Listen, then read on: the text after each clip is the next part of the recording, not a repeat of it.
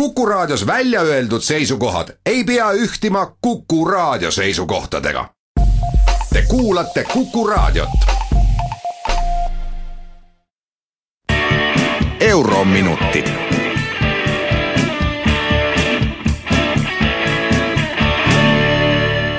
tere päevast, kallid Kuku Raadio kuulajad. eetris on Eurominutid ja Kersti Kaljulaid sellel nädalal räägin veel ühe korra brittide kõrge profiiliga arvamusküsitlusest Euroopa Liidust kuhugile mujale minemise küsimuses. aga ausõna, järgmised korrad enne suve pühendan jälle millelegi muule, aitab küll. kuid esimese nädala muljed väärivad kokkuvõtmist. tegelikult keskenduksin isegi lühemale perioodile, umbes esimesele kolmele päevale pärast Brexiti referendumit kõikidele jahmatuseks, aga võib-olla siiski mitte üllatuseks, selgus reedel, et plaani ei olnud mitte kellelgi. Brexit oli võitnud, minema hakata nagu tuleks. kust tullakse, see oli selge, Euroopa Liidust. aga kuhu minnakse? plaani ei olnudki. selle ilmekaimaks näiteks oli vast see, et hommikul olid kõik veendunud. David Cameroni avaldus tuleb enne turgude avanemist, mis peaks olukorda selgitama ja rahustama kuid Guardiani ajakirjanike andmetel, kes sellel hommikul number kümne ees seisid, oli börside avanemiseks peaministri uksest välja tulnud ainult üks kass, kellel mõistagi midagi selgitavat ei olnud öelda. kass oli oma hommikuselt jalutuskäigult juba tagasi, enne kui Cameron lõpuks väljus. ja kui ta väljus, siis oli selge, et temal plaani ei ole ja ta ei hakka ka seda tegema. et järgmine peaminister siis teeb. et vahepeal asjad päris hulluks ei läheks tuli appi Keskpank ja lubas turgude stabiliseerimiseks kakssada viiskümmend miljardit. ja see tundus ka olevat ainukene konkreetne asi, mis oli nii-öelda valmis pandud, juhuks kui Brexit peaks võitma. seejärel pöördus ajakirjanike tähelepanu tooride Brexitit toetanud liidritele, eriti Boris Johnsonile siis selgus, et tema oli oma otsust Brexitit toetada tehes silmas pidanud peamiselt seda, kuidas vahetada Cameron Downing Streetil välja selle jaoks tal plaan oli, mida ta küll ajakirjanikega jagada ei tahtnud. aga saadikuid jälitades said ajakirjanikud muidugi aru, et meeskonna moodustamine ja konsultatsioonid parlamendis selleks käivad. kuid mis puudutab seda, kuhu tema juhiks oma riigi, kui see väljub Euroopa Liidust, ei sõnagi. Esimene pikem sõnavõtt temalt tuli ajalehes Telegraph alles esmaspäeval, mille kohta mõistlikum osa inimkonnast arvas, et igastahes üht asja Boris Johnson tõesti ei lubanud. He did not promise to bake a pie and put it in the sky. see vist on päris hea kokkuvõte sellest, mis plaan Johnsonil siis on. Eesti keeles öeldes võiks öelda, et ta lubas, et Suurbritannia säilitab ligipääsu Euroopa Liidu turgudele, kuid ta ei maksa liikmemaksu ja sulgeda saab ka kõik piirid. umbes samasugune seisukord valitses ka kõikide teiste tooride peades päeva lõpuks ilmus varjude riigist Michael Heseltine, üks vastuolulisemaid ja vihatumaid figuure tooride poliitikas juba Thatcheri aegadest. tema ütles välja selle, kuhu Suurbritannia siis teel on. A big gaping hole. Ajakirjanikud muidugi ei eeldanudki, et Nigel Farage, iseseisvuspartei liider, pakuks välja mingigi avangu. siiski suutis Farage esimesel päeval pärast referendumit välja öelda, et ei Vote Leave kampaania ainus konkreetne lubadus, kolmsada viiskümmend miljonit naela nädalas brittide ravikindlustussüsteemi, ei olnudki mingi lubadus. Sellest jamast õigesti arusaamiseks tasub meenutada, et brittide NHS, nende haigekassa, pole mitte lihtsalt üks tavaline riigi ravikindlustusmudel, vaid midagi, mida paljud britid peavad pealesõja aegade riigi suurimaks saavutuseks meenutagem, et sellel asutusel oli oma peatükk Londoni olümpiamängude avamisel. selline on ta koht rahva südames. Ja muidugi on NHS nagu teiste riikide haigekassadki hädas kallinevate teenuste, nappiva personali ja rahvastiku vananemisega.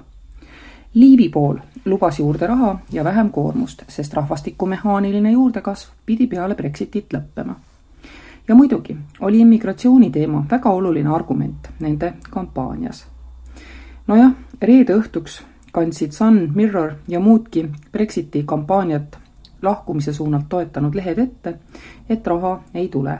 lubadus oli niisiis nali. aga inglaste jaoks mängimine nende ravikindlustussüsteemiga ei ole mingi nali.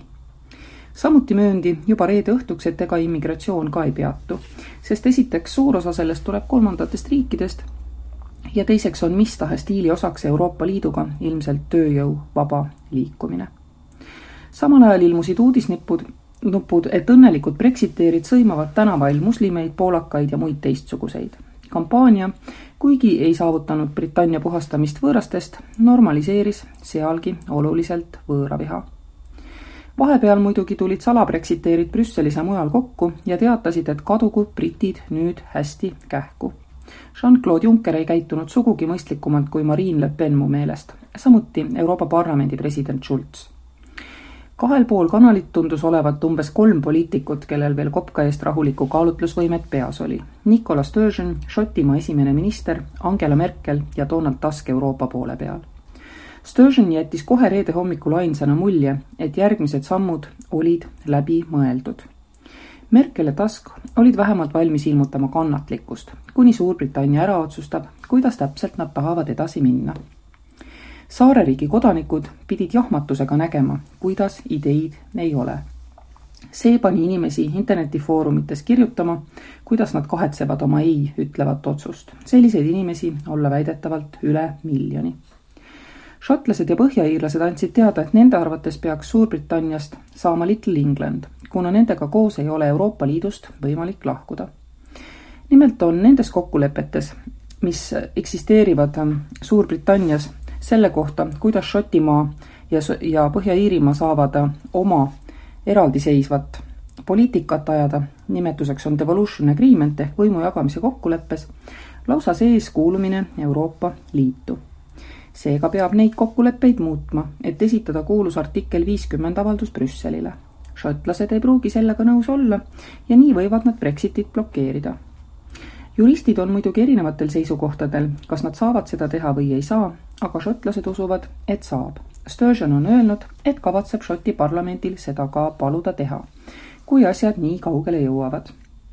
samas on mõned Inglismaa põhiseaduse asjatundjad, juristid öelnud, et tegelikult nagunii ei saa Brexiti referendumi põhjal mitte midagi otsustada. Et ikkagi selleks, et artikkel viiskümmend avaldus Brüsselisse viia, on vaja kindlasti ka parlamendi hääletust. aga ka Suurbritannia parlamendis ei ole Brexiti pooldajad kaugeltki mitte enamuses. Põhja-Iirimaaga on asjad kõige hullemad Good Friday Agreement aastast üheksakümmend üheksa ja järgnenud rahulik kooseksisteerimine tugines samuti suuresti asjaolul, et Iirimaa ja Põhja-Iirimaa vahel piiri ei olnud. nüüd saab sellest joonest aga Euroopa Liidu välispiir. Dublini ja Belfasti vahel käiv rong, mis on paljudele Good Friday ja rahuliku kooseksisteerimise sümbol, hakkab peatuma passi ja tollikontrolliks Nende küsimustega ei tegelenud aga esimestel päevadel Suurbritannias peaaegu mitte ükski poliitiline jõud. toorid sukeldusid liidriotsingutesse, tööpartei varikabineti liikmed olid pühapäeva õhtuks enamuses tagasi astunud ja soovisid Jeremy Corbyni, sellegi salabrexiteeri lahkumist. Sest suure osa tööpartei eliidi arvates ei teinud Corbyn oma tööd Euroopa Liitu jäämise toetamiseks ära, sest ta lihtsalt ei tahtnud väidetavasti tahtnud Cameron kampaania ajal kangesti koos Corbyniga Remaini toetamiseks midagi ette võtta, aga tööpartei liider lihtsalt keeldus. Cameron ol-, olla kaalunud isegi seda, et paluda Barack Obamal Corbyniga sellest rääkida, aga kuna Labourid olid nii kindlad, et seegi ei aita, siis jäi ära. Ja Brexiti tegidki tööpartei vanemad ja ka vaesemad valijad. samuti ei suutnud äh, Corbyn mobiliseerida partei nooremat valijaskonda valima tulema. ilmselt näeb osa leiboriste võimalust sügisel võita valimised, lubades Brexit ära jätta, aga selleks on neil vaja väga tugevat euromeelset liidrit. praegu on selle programmiga kalastama minemas erakorralistele valimistele hoopis Lib-Demid, Cameroni eelmise valitsuse koalitsioonipartnerid. aga sellest ei piisa. Tööpartei võiks seda teha võib-olla isegi peaks seda tegema, kui artikkel viiekümne rakendamisega tõesti õnnestub viivitada. teisalt, paljud britid tahaksid, et üldvalimistel see küsimus tõesti oleks, aga konkreetsena. artikkel viiskümmend tähendaks umbes sellist kokkulepet ja sellest loobumine siis jäämist Euroopa Liitu aga siin on jälle üks probleem. Euroopa Liit ei saa tingimuste üle teoreetiliselt läbi rääkida, ehk must auk jääb defineerimata seni, kuni artikkel viiekümne kohast avaldust ei ole tulnud. see kõik oleks olnud naljakas, kui poleks olnud otsatult kurb. meile siin ju tundub, et ainult meie poliitikud mõnikord ei oska. aga praegu tundub, et tegelikult võivad väga suureski riigis poliitikud, olles liialt kindlad, et selles, mida nad teevad, nad õnnestuvad, jätta valmistumata juhuks, kui nad peaksid ebaõnnestuma.